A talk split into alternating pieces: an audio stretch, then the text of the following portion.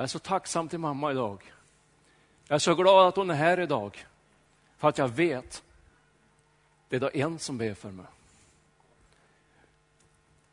Jag tänkte så här, du som är här och du har en mamma i ditt liv som är frälst. Du ska vara oerhört tacksam för henne. Vet att det finns ingen mamma som inte ber för sina barn. Det finns ingen som kan be för sina barn som en mamma. Vet, jag tror inte att det är en slump att kvinnor blir äldre än män. Jag tror det är en betydelse. Jag tror det har en betydelse. De ber för sina barn. Var tacksam för din mor. Var tacksam att hon lever, att hon ber för dig varje dag. Jag var i Mongoliet. Mötte jag en pastor där. Han var pastor för en församling på 200 medlemmar. Och han berättade lite om sitt liv. Han hade suttit lång tid av sitt liv i fängelse. Men vet du, han hade en mamma som bad för honom. Han hade en mamma som bad för honom. Mors böner kan förvandla mycket. Tänk på det. Det kanske verkar som att bönesvaret inte kommer direkt. Hur tror du att hans mor kände det när han satt i fängelse? Det här kommer inte att gå, det här är omöjligt. Men hon fortsatte, hon bad för sin pojke. Han blev frälst, han blev pastor. Så var tacksam för din mor. Det har större betydelse än vad du tror. Och det kommer en dag då hon är borta. Då hoppas jag att du har en annan mor som ber för dig. Då hoppas jag att du har en annan förebedjare. För annars kommer du att se en skillnad. Den här månaden handlar om bön. Och det är någonting som är viktigare än vad vi tror. Bön. Och det är utifrån Apostlagärningarna 2 och 42 som vi har gått igenom nu. Och där stod att de höll fast troget i bönerna. Det är någonting som är med bön, det är, och det hör ihop med att vara trogen. Att vara trofast, att hålla ut, att inte ge upp. Ämnet för idag, det är ju Ge inte upp om bönesvaret dröjer. Ge inte upp om bönesvaret dröjer.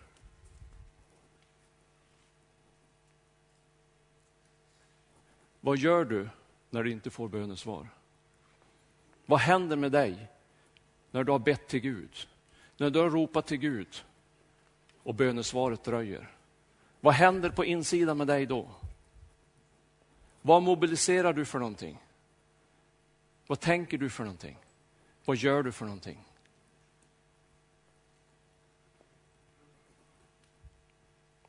Du vet själv hur du reagerar.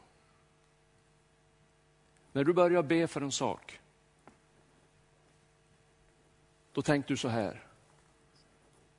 Gud hör bön. Jag ska be till Gud. Inga problem.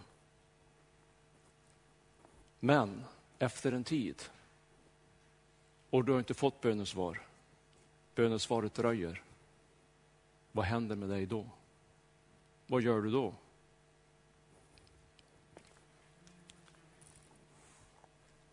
Be, det är någonting som är oerhört viktigt.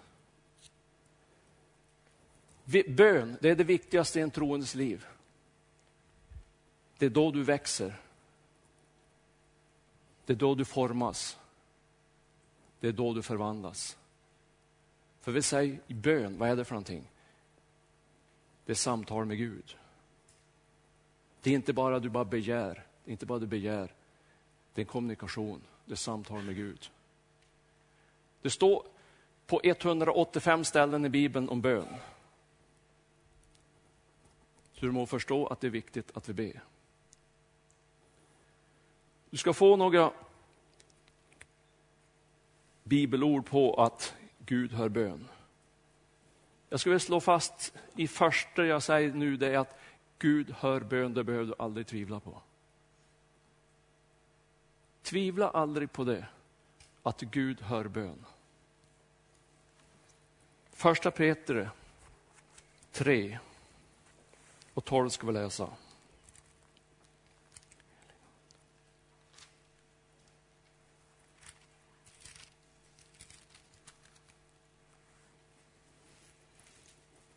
står så här där. Ty Herrens ögon är vända till de rättfärdiga och hans öron är öppna för deras böner.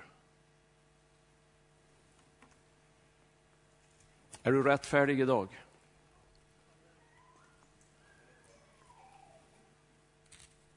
Vet du egentligen vad ordet rättfärdig betyder? Ja, vi vet innebörden i det. Men jag tyckte det var kul, jag slog upp i Bonniers lexikon i en världslig lexikon vad jag tyckte var roligt att se vad det stod där. Då stod det så här, rättfärdig, fri från synd, stod det. Upptagen i Guds gemenskap, stod det också.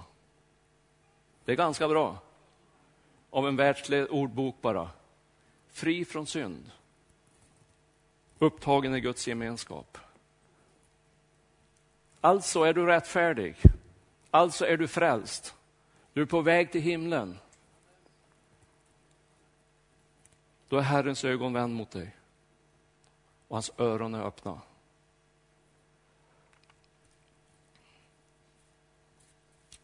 Ja, men det räcker väl inte att bara öronen är öppna och att hans ögon är vänd till dig. Det står i Matteus 7 och 7 för någonting. Du kan slå några bibelord i början ska vi få se.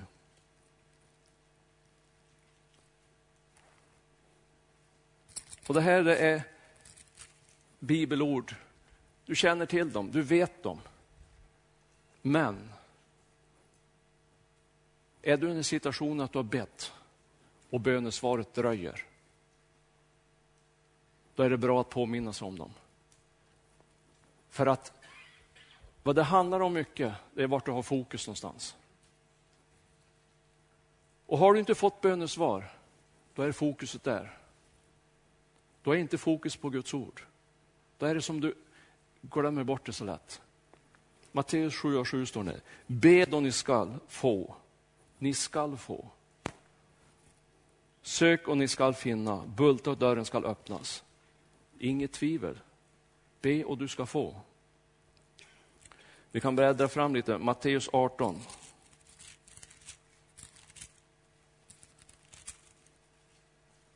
Och vers 19. Vidare säger jag er, om två av er här på jorden kommer överens om att be om något, vad det än är, så skall de få det av min fader i himlen. Ty där två eller tre är samlade i mitt namn, där är jag mitt ibland dem. Där två och tre kommer överens om en sak, då ska du få nu. då ska du få nu. Tvivla inte.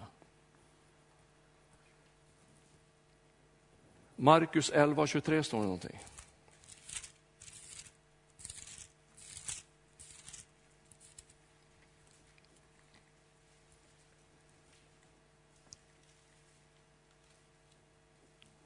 Står så här, amen säger jag er, om någon säger till detta berg, lyft dig och kasta dig i havet och inte tvivlar i sitt hjärta utan tror att det han säger ska ske, då skall det ske. Därför säger jag er, allt vad ni ber om och begär, tro att ni har fått det, så skall det vara ert. Tvivla inte, det är ett ord som kommer igen många, många gånger. Tvivla inte på vad jag har sagt för någonting. Tvivel, det kan krossa en människa. När du börjar tvivla på någonting. Ibland kan man börja tvivla på sig själv. Kan jag det här? Duger jag till det här? För tvivel, det är någonting som tär. Vet, man kan komma till den punkten att du tänker så här. Jag vet att Gud svarar på bön, men inte på mina böner just nu. Du börjar tvivla. Du ser de som är runt omkring dig. De får bönesvar. Men jag får inte bönesvar. Alltså så svarar inte Gud på mina böner. Jag vet ju att han svarar på bön. Jag är ju frälst. Jag läser Bibeln. Jag har ju sett hans löften och allting. Va? Men just den här grejen vill inte Gud svara på. Vet du, det är inte så. Har han sagt att be vad ni vill, så ska du få det. Ibland så är du och jag ganska lik Maria och Marta. Har du tänkt på dem? Det finns en, en berättelse om Maria och Marta. Det står i Lukas 17. Vi ska slå upp det så vi se.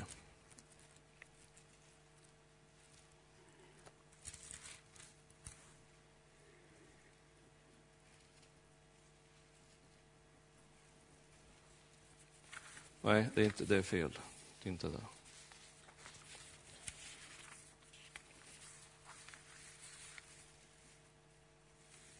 Det är Johannes 11. Vet du, jag har ingen sån där iPad som man kan liksom rulla. Så det. Så vi se hur det går det här då. Johannes 11 är det.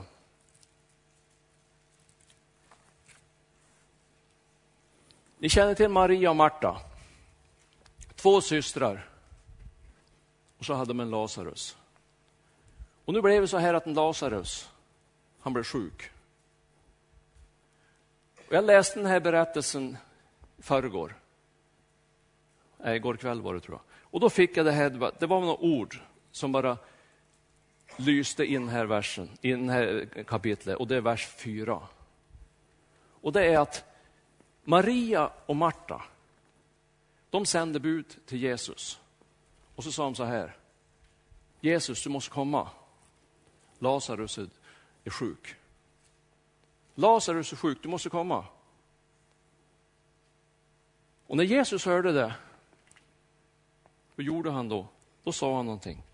Denna sjukdom skall inte sluta med döden.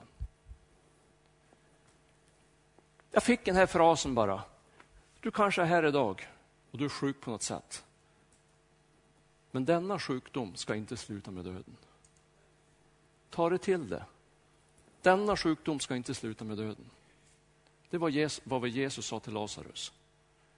Och det var som att det bara klickade till i mig. Denna sjukdom ska inte leda till döden. Spelar ingen roll vad det är för någonting. Och så man går fram lite grann lite, lite längre fram. Då vet du vad som hände. Ja, Jesus, han gick inte till Lazarus direkt. Maria och Marta, de var nära vän med Jesus. Då tycker man väl att varför, han skulle ha sprungit direkt. Det är ju mina vänner. Då har de ju fått bönesvar direkt. Vad skulle han stanna flera dagar på ett annat ställe för? Och det gick flera dagar. Men då kommer Jesus dit. Och då fick, var det Maria som fick höra det först. Jesus är på väg in hit. Hon lämnade allt vad han hade och bara rusade till henne. Till, till Jesus. Vet du vad han sa? I vers 21. Herre, om du hade varit här skulle min bror inte ha dött. Tvivel hade kommit in i henne. Om du hade varit här, no problems. För hon visste att Jesus kunde bota sjuka. Men nu, då inte du var här, ja, då har han ju dött. Kommer Marta sen. Hon hade också fått tvivel. Hon sa samma sak. Herre, om du hade varit här, då hade Lazarus levt. Kan du känna det där tvivlet de hade? Vad hade bett till Jesus? Vad hade sökt den? Vad hade ropat till honom? Kom hit. Lazarus håller på att dö. Men han kom inte. Och så kände de, äh, om vi du hade ändå varit här, då hade det ju hänt någonting. Vet du, det är aldrig kört när du har med Jesus att göra. Det kan verka som att det är kört. Det kan verka som game over. Det kan verka som att det här kommer inte att gå. Men vet du, om du har med Jesus att göra ska du aldrig tänka så. För vad säger Guds ord? Bed vad ni vill. Vi säger Johannes 15 för någonting. Om mina ord förblir dig. Om mina ord förblir dig. Be om vad du vill. Vad betyder det? Om mina löften, om de är verkliga för dig, om de är inne i dig, om du memorerar, om du läser Bibeln, om du vet vad som står, du vet, du vet, du vet. Be om vad du vill. Du ska få det. Ja, men det verkar inte så. Ja, det är en annan sak. Vi måste välja på, vill du tro på hur det verkar som, eller ska du tro på vad Guds ord säger? Det verkar som inte jag håller på att få bönesvar. Det verkar precis som att det är kört med Lazarus. Han blir sämre och sämre. Och jag är säker att de bara ropar till, till ännu mer Maria och Marta strax innan han dog. Det verkar som att det är kört med Lazarus. Men vet du, det var inte det. Han var till och med död. Men Jesus väckte upp honom. Det är aldrig kört när du har med Jesus att göra. Det kan verka en sak, men det är inte verkligheten. Det är inte verkligheten. Tänk på det.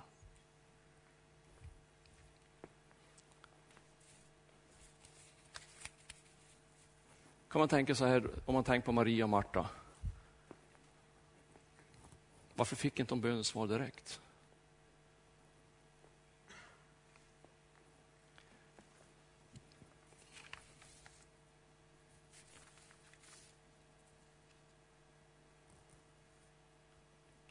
Det står så här i Lukas 2, och 36 och 37. Nej, det står inte alls det. Nu är jag ute och virrar. Andra eh, Korinthierbrevet 6 och 2 står det. Jag bönhör dig i rätt tid.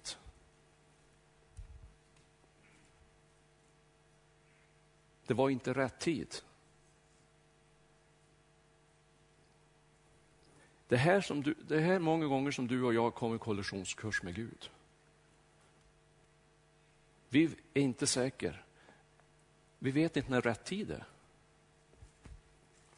Vi tror alltid att rätt tid, det är nu. Nu är rätt tid. Det är vad vi tror. Man vet att Gud, han tänker på ett annat sätt. Han kommer då det är rätt tid. Det står ju lite längre fram i den här berättelsen att varför var det rätt tid då han var död? Jo, för att Gud skulle bli förhärligad. Gud skulle bli förhärligad. Tänk på det när du ber. Tänk på det när du inte får bönesvar. När det är rätt tid.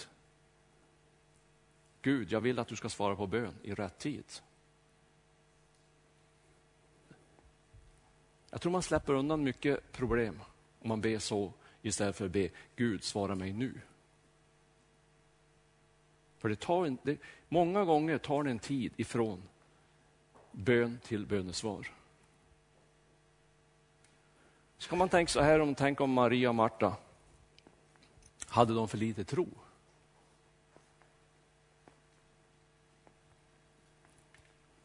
Och så där kan man bli slagen av ibland och tänka att har jag inte tillräcklig tro? Varför kommer ett bönesvar nu? Det, det, du ser ju Jesus, det håller på att krisa ihop sig. Svarar du inte nu, då är, det, då är det ju game over. Det går inte liksom. Va?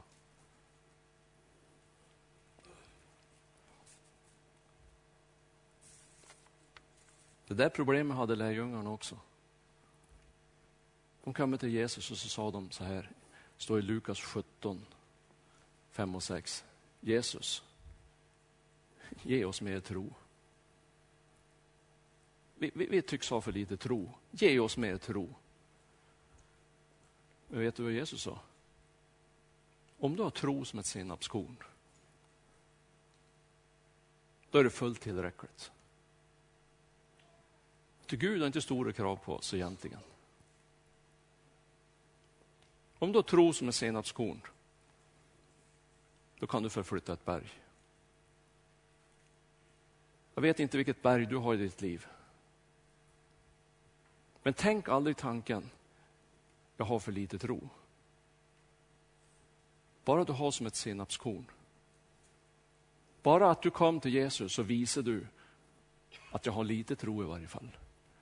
Vet du att den är tillräcklig?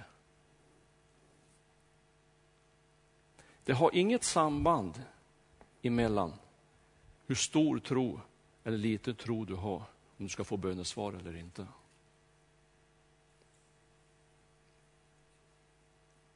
För att då det står att, du, att det räcker med ett senapskorn, då behöver du inte mycket för att få bönesvar. Men har du stor tro, då kan du be om stora ting. Har du stor tro för någonting, då ber du om mer, fri, mer större mirakler. Men själva trons kvantitet, kvalit, kvantiteten, det räcker om du har ett senapsfrö. Så tänk aldrig tanken att ja, jag, har, jag har för lite tro, det här kommer aldrig att gå.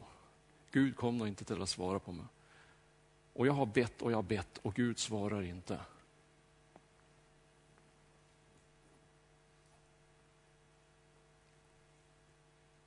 Ge inte upp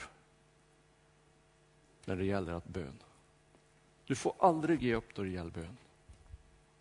Det är alltid för tidigt att ge upp när det gäller bön. Vet, jag träffade en man som var från Finland. Han hade börjat att festa och han hade börjat knarka då han var 15 år. Sen höll han på tills han var 42 år. Dag ut och dag in. In och ut på fängelserna. När han var 42 år så blev han frälst. Jag träffade honom nu när han var 45 år. Han var frälst i tre år. Jag frågade har du kristna föräldrar? Nej, sa Mamma och pappa, det var bara alkohol och slagsmål och elände i hela familjen. Men har du inte haft någon som har bett för det? Jag har haft en mormor. Hon gav inte upp. Hon började be för sitt barnbarn när hon var 15 år. Hon bad varje dag, varje dag. Tills han var 42 år. Då blev han frälst. Då var mormor så glad så hon sa, nu kan jag gå in i himlen. Nu har jag gjort mitt. Mitt barnbarn har blivit frälst. Om hon skulle ha tänkt så här, det verkar som det inte går, då har hon gett upp. Ge aldrig upp. Du vet aldrig när bönesvaret kommer. Men det är inte säkert att rätta tiden är nu. Det är inte säkert det. Det kan vara imorgon. Jag har tänkt mycket på Israels barn när de var i öknen. Hur de gick i öknen där, hur Gud var med dem. De gick och väntade på bönesvaret, de ska gå in i löfteslandet. De gick och snurrade på där i 40 år. Och man tänkte så här, liksom det är lätt att tänka så här, vad dug det till?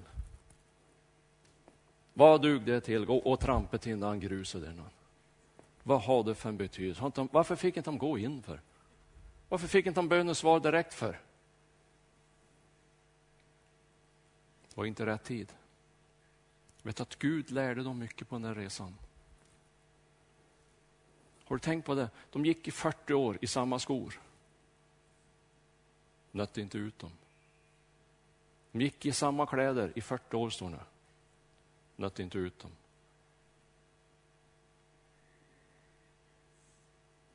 Nu får man vara glad om ett arbetsbyxpar håller ett halvår. De gick i 40 år. Vad dugde ni till? De formades. De formades. För det var, Gud väntade tills det var rätt tid.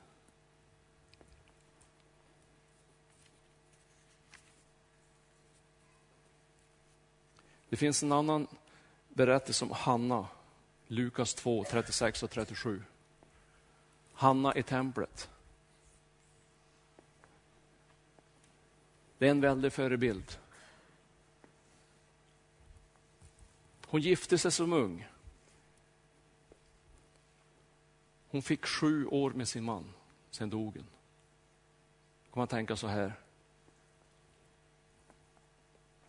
Det var jobbigt. Gud slog under benen för henne. Och så kan man tänka att hon, äh, Gud brydde sig inte om mig. Gud hjälpte mig inte. Varför blev det så här? Men vet du, då den här berättelsen då står där, då var hon 84 år. Då var hon i templet varje dag. Hon lämnade inte templet.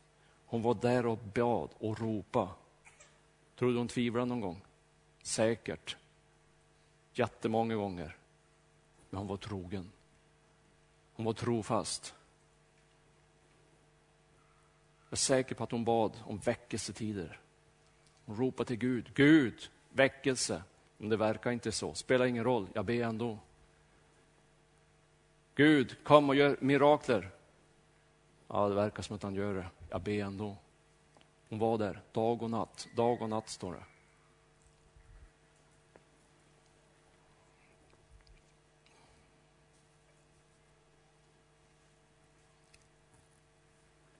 Romarbrevet 12 och 12 ska jag läsa.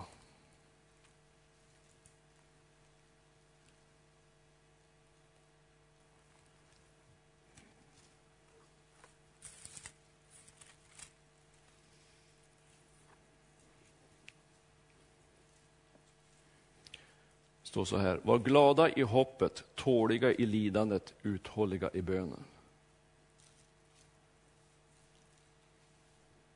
Var glada i hoppet. När du inte får bönesvar som du hade tänkt det. När bönesvaret dröjer. När det verkar precis som att det är kört. Vet du vad du ska göra då? Då ska du vara glad i hoppet. Det står på många ställen att vi ska uppmuntra varandra. Uppmuntra varandra med himlen. Var glada i hoppet. Du är på väg någonstans. Himlen är ditt hem. Du ska gå på gator av guld. Du ska få dra upp storporten som är gjort av en pärla. Tänk vilken framtid vi har. Var glada i hoppet när det verkar som att bönesvaret inte kommer. Tåliga lidande, står det. När bönesvaret dröjer. Det känns tungt. Det känns som ett lidande över dig. Har du upplevt det någon gång? När du har bett för någon annan människa och du inte sett något resultat. Du lider. Du kan nästan... Åh, jobbet är. Vad tåliga lidandet, står det. Ibland tänker man så här att ja, du kanske har ett lidande, du kanske är förföljd för din tro, du kanske är slagen, eller det är någonting. Va? Visst kan det vara sånt också. Men jag tror många gånger det är hur du lider. Du lider över att inte bönesvaret kommer. Men var tålig. Ge inte upp. Bönesvaret är på väg. Var inte orolig.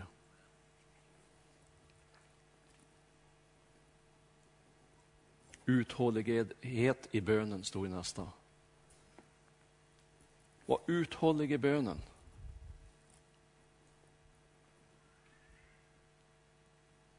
Räcker inte att jag ber en gång då? Kan man tänka. För det står på ett annat ställe att innan du börjar be så vet han ju vad du, vad du ska be om. Han vet vad du ska, tänkt be om innan du börjar. va? Vet du, Gud han är intresserad av relation. Gå in i din kammare, stäng dörren, ropa till mig. Gör precis som, som det står i Lukas 18. Den här kvinnan som vill ha rätt i domstolen. Har du tänkt på vad det står där? Det finns några ord där som är, kan slå upp, skulle säga.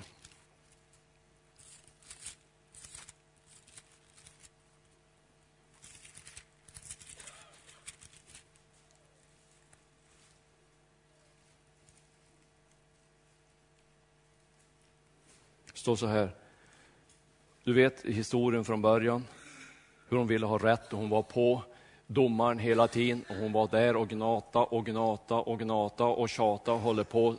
Ge mig rätt, ge mig rätt. Och till slut så gav han med sig. Så står det så här i vers 6. Och Herren sade, hör vad denna orättfärdiga domaren säger. Skulle då inte Gud skaffa rätt åt sina utvalda som ropar till honom, står det, dag och natt då han ju lyssnar tåligt till dem. Gud vill att vi ska ha ropa dag och natt. Gud vill ha kommunikation med dig. Gud vill att du ska, att han vill höra din röst varje dag, dag och natt. Gud vill att du ska tjata på honom. Ibland kan man tänka så här, ja nu har jag ju bett och han vet ju. Han vet ju vad det är frågan om va? Nu räcker väl va? Vet du att Gud, han tåls att bråka på. Jag kommer på det. Han tål det. Förstår ni här att du ska tjata på honom dag och natt, då tål han höra lite bråk från dig. Tänk på du som är förälder. När dina barn tjatar på dig om någonting. Du tål höra nu. Ingen fara på taket. Det är ju dina barn ändå, du älskar dem lika mycket för det. Men de kan tjata på det. Det är samma sak med Gud. Tjata på Gud dag och natt. Ge det inte. Han tyckte det var roligt att höra på. Han blir aldrig less på det.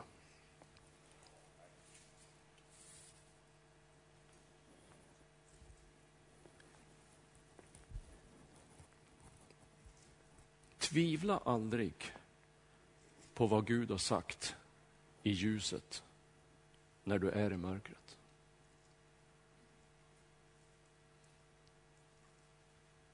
Ibland kan du ha fått ett profetiskt ord från någon och då var du så glad, då var du så uppåt. Men när bönesvaret dröjer, då börjar du att tvivla. Men du ska aldrig tvivla på det Gud har sagt i ljuset. när du kommer i mörkret. För det har inte förändrats. Har Gud sagt någonting, då är det ju det som gäller. Och du vet vad Gud har sagt till dig. Ja, men det verkar som det inte går i fullbordan. Det verkar som det inte blir så. Här måste du bestämma på vad du ska tro på. Ska du tro på det Gud har sagt eller ska du tro på hur det verkar?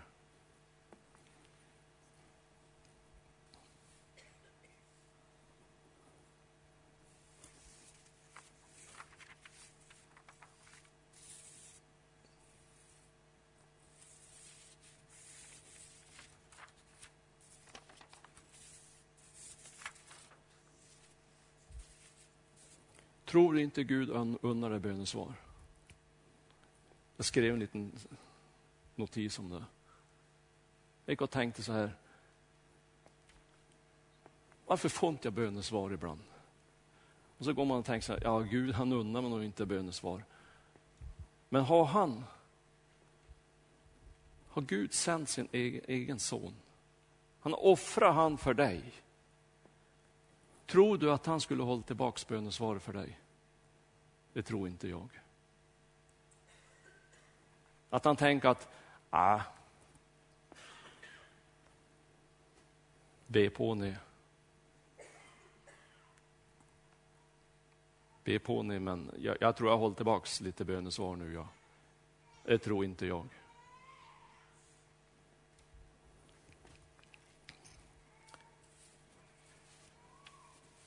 Och så står det på ett annat ställe vi ska be efter Guds vilja.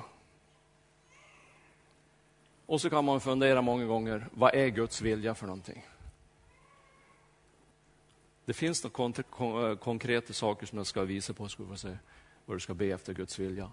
Men jag tror att mycket är så här. Vill du leva för Gud? Är du rättfärdig?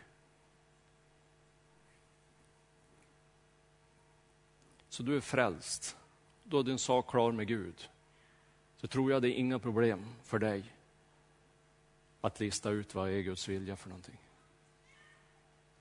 Om du ber om en Merca, visst kan du få en Merca.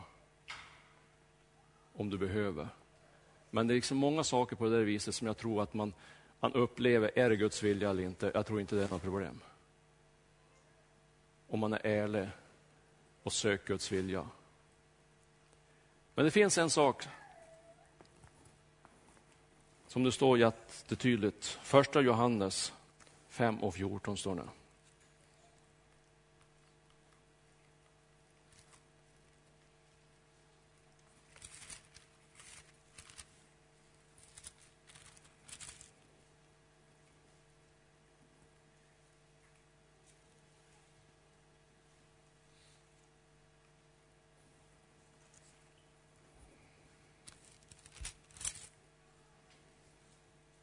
Och detta är den tillit vi har till honom, att om vi ber om något efter hans vilja så hör han oss. Och när vi vet att han hör oss, vad vi än ber om, så vet vi också att vi redan har det som vi har bett honom om.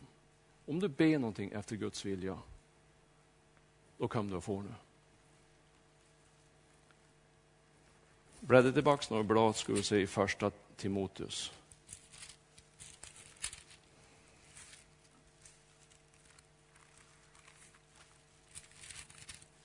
Första Timoteus 2.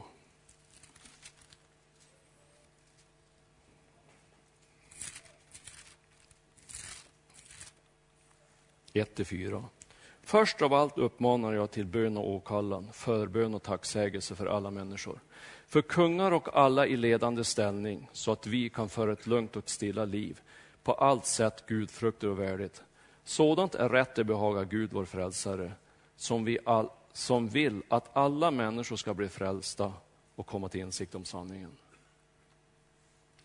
Om du ber efter Guds vilja, då får du bönesvar. Det stod här vad Guds vilja är för någonting. Att alla människor som ska bli frälsta, stod det. Det där det är någonting som har, i våran bönecell, ljudet, har överbevisat mig några gånger. Hon har sagt så här, om du ber om en människa blir frälst, då blir den frälst. Hon har sagt det där många gånger. Be. Han kommer att bli frälst. Ja, men det verkar ju inte så. Det spelar ingen roll. Vad säger Guds ord? Det är Guds vilja. Fortsätt att be. För att du vet ingenting vad som händer i en människas liv den dagen hon lägger igen ögonen. Men har du bett att en människa ska bli frälst, då behöver du inte tvivla på det. Tvivla aldrig på det, att han kommer till att bli frälst. För det står här att Gud vill. Vad tror du att om man ber det Gud vill, då svarar han på bön.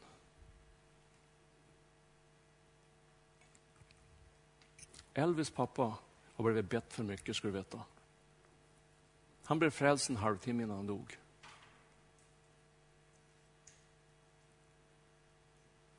Tvivla aldrig på när du ber för en människa att han ska bli frälst eller inte. Han kom till att bli frälst. Förr eller senare. Även om det skulle vara tio sekunder innan han dör.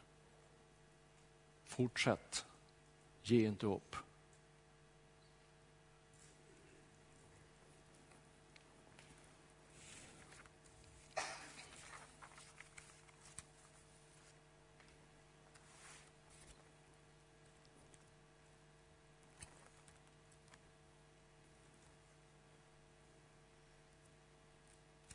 Gud hör bön.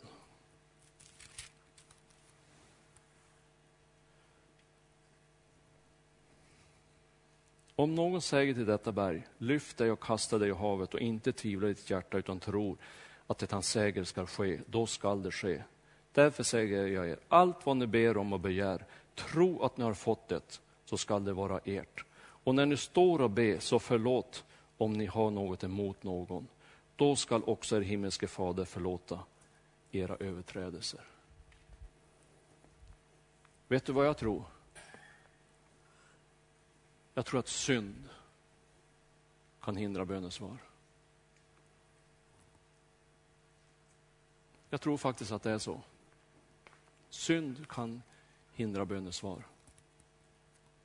Varför tror du det då? Jo, för att synd det är en smuts som inte behagar Gud. Gud vill inte ha med synd att göra. Gud vill inte att du ska vara befläckad med synd. Gud vill att du ska vara ren när du kommer in för honom. När du går inför tronen vill Gud att du ska vara ren. När du kommer inför tronen och begär så vill Gud att du ska vara ren. När du kommer in i det allra heligaste, när du sitter vid Jesu fötter och gör dina böner, dina önskningar kunniga inför honom. Då vill han att du ska sitta där ren. Då vill han inte att du ska ha massa saker, smuts i ditt liv. Det står så här i Jakob 5 och 16. Bekänn alltså era synder för varandra och be för varandra så att ni blir botade. Mycket mäktig och verksam är den rättfärdiga människans bön. Mycket mäktig är din bön. Om du är rättfärdig, om du är ren inför Gud, då är din bön mycket mäktig. Men det stod någon vers innan här. Förlåt. Kom, gå till Gud och be om förlåtelse för din synd. Det står bara versen innan. Har du synd i ditt liv, då är inte din bön mäktig. För det är bara om du är rättfärdig i Guds ögon som din bön kan vara mäktig. Det är då dina böner kan förvandla. Det är då det finns kraft i din bön. Det är då det finns styrka i din bön.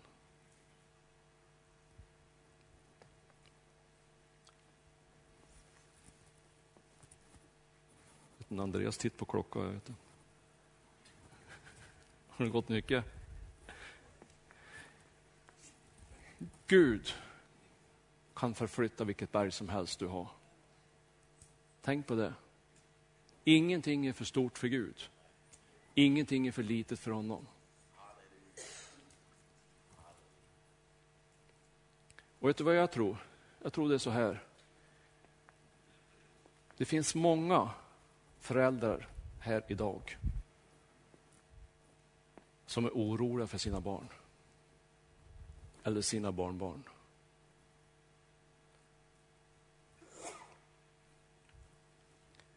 Det där har jag också känt i mitt liv, att så kan det vara. Det kan komma perioder i ditt liv när det är någonting som håller på att gå sönder på insidan när det gäller dina barn. Det kan vara hur jobbigt som helst. Men vet du, jag har lärt mig en sak. Lita på Gud. Lita på Gud. Vi läste vi alldeles nyss.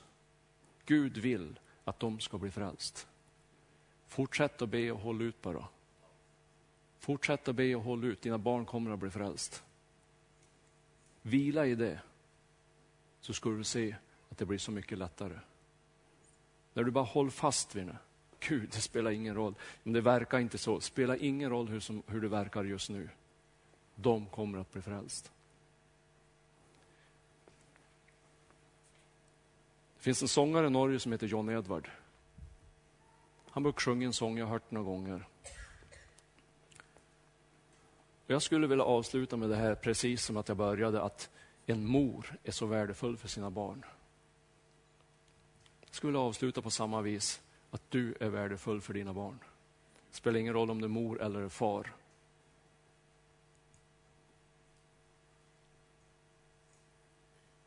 Och är det så att du känner så här att jag har ett berg i mitt liv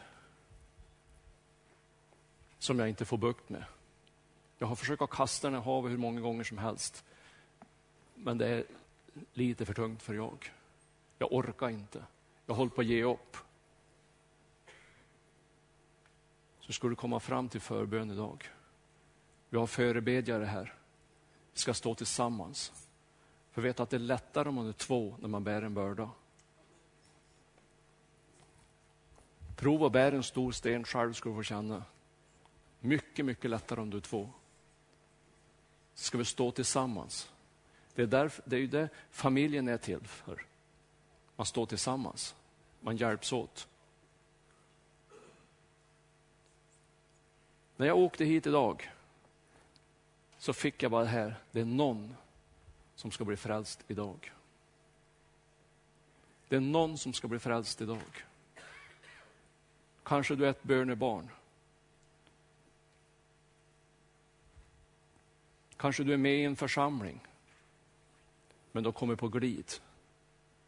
Gud vill du ska komma in på rätt väg igen. Du kan vara äldre, du kan vara yngre, jag vet inte. Men jag tror att det är någon som behöver höra nu. Du ska komma på rätt väg igen. Jag ska läsa den här sången för att du ska få höra. Och det handlar om att du ska inte ge upp.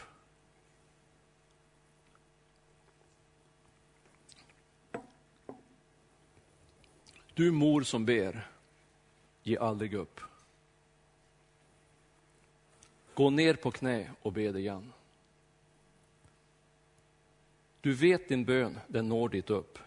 Där änglar bor, så be igen. Din bön, den rör vid Guds hand som sträckes ut mot syndens land.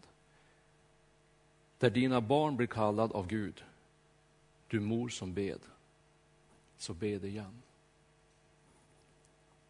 Du mor som ber, du blir stundom trött. Din kamp är hård och du gråter lätt. Men Gud är god. Han tröstar dig. Snart får du svar. Så be igen.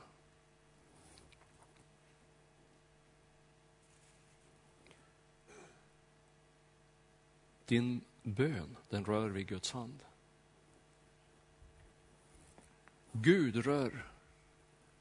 Din bön rör vid Gud när det gäller dina barn.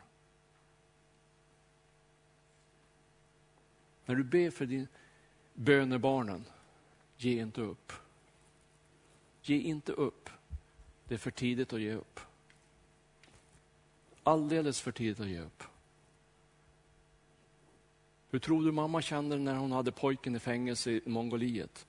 Pastor Nara. Oj, oj, oj vad han, hon skulle ha gett upp många gånger. Men hon hade en tro på Gud.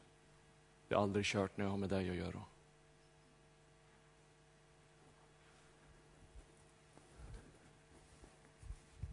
Bön.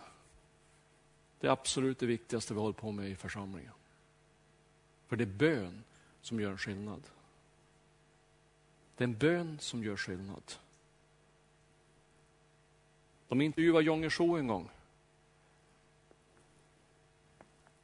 Och frågade han, hur kan ni ha sån framgång i församlingen? Hur kan ni växa så hemskt? Han svarade ett ord, han svarade bön. Journalisten ställde en annan fråga, vinkla in den. Det måste ju vara någonting. Bön. Han fick inget annat ord av en. Han fick bara bön. Det var det som var skillnaden. Varför tror du att det är sån strid på bönen? Varför tror du att det är fåare människor på bönemöten än på ett elvamöte? Det kan ha sina orsaker, men en orsak tror jag det är så här. Djävulen han vet att Gud hör bön. Men du och jag betvivlar ibland.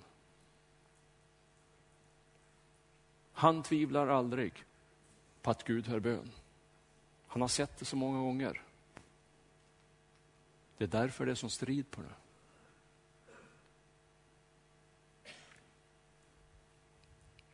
Jag har en bön i mitt hjärta och jag har bett det många gånger. Och ibland emellanåt så är det som man liksom nästan ger upp. Men ibland kommer igen, Gud jag ger inte upp. Och det är att bönemötena ska vara mer folk på bönemöten än på ett elvamöte. Ja, men nu, nu, nu, nu tar du i va. För Gud är ingenting omöjligt. Tänk på det. Det är inte för att jag säger. Men vet du, Gud han kan göra vad han vill. Precis vad han vill. Var det den här pastorn som var ifrån Finland som var här för ett antal år sedan? De hade större, mer folk på bönemöten än på elva möten. Så vi ska bara be till Gud om bönens ande över vår församling, över hela området, över hela Övik, i varje församling. Att det ska få sprida sig att det är bön som förvandlar ting. Det är bön som förvandlar saker och ting. Vi har hört hur många predikningar som helst. Räkna ut många predikningar du har hört, det är tusentals. Hur många kom du ihåg? Ja, det mötet det förvandlar mig. Ja, visst, är det så. Men åk du hem från ett bönemöte, då har det hänt någonting. Och vet du varför det är så? Då har man gjort någonting för en annan människa. Det är därför det är så tillfredsställande med bön. Man har gjort någonting för en annan människa.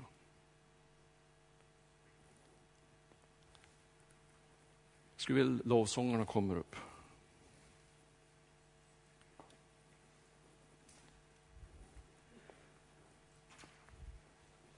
Kan vi inte komma överens om en sak?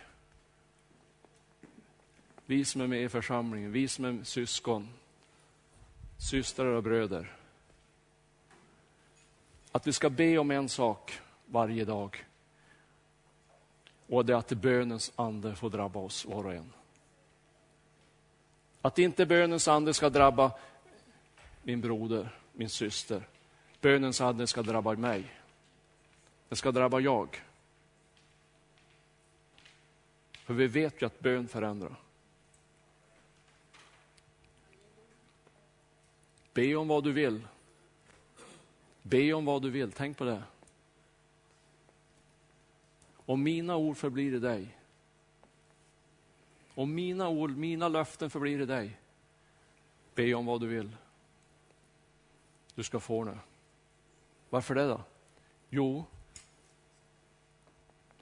därför att Gud har utvalt dig. Jag har inte utvalt Gud. Och Gud har bestämt en sak. Han har bestämt att du ska bära frukt. Och har han bestämt någonting, då tror jag det blir så. Så stor Gud har jag att har han bestämt någonting, då blir det så. Men för att det ska kunna bli någonting, för att det ska bli någon frukt, då måste hans ord förbli i dig. Då måste hans löften förbli i dig. Det är A och O. Så be om bönens ande över ditt liv. Bön förvandlar. Bön förändrar. Bön förän flyttar berg. Bön sätter människor fria.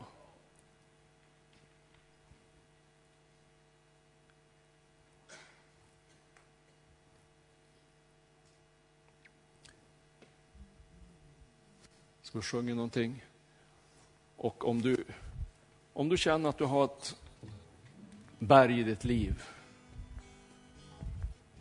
Om det gäller dina barn, om det gäller dina barnbarn. Om det gäller något annat bönebarn. Jag tycker det känns som jag skulle vilja att vi skulle ha fokus på bönebarn ikväll, idag. De som du har stått och bett för, år ut och år in. Men det verkar inte som det händer någonting. Vi ska hjälpas åt att bära stenen idag. Vi ska ta arm, armkrok. Roland säger det ofta, vi ska ta armkrok och det är så bra. Tretvinnad tråd, den är starkare än en tvåtvinnad. Vi ska upp, lyfta upp varandra.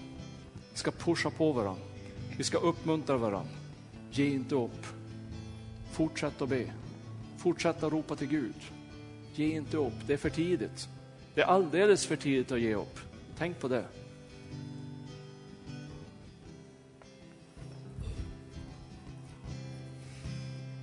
Så vill du ha att vi ska stå tillsammans och hjälpas åt, så kom fram. Ska vi be.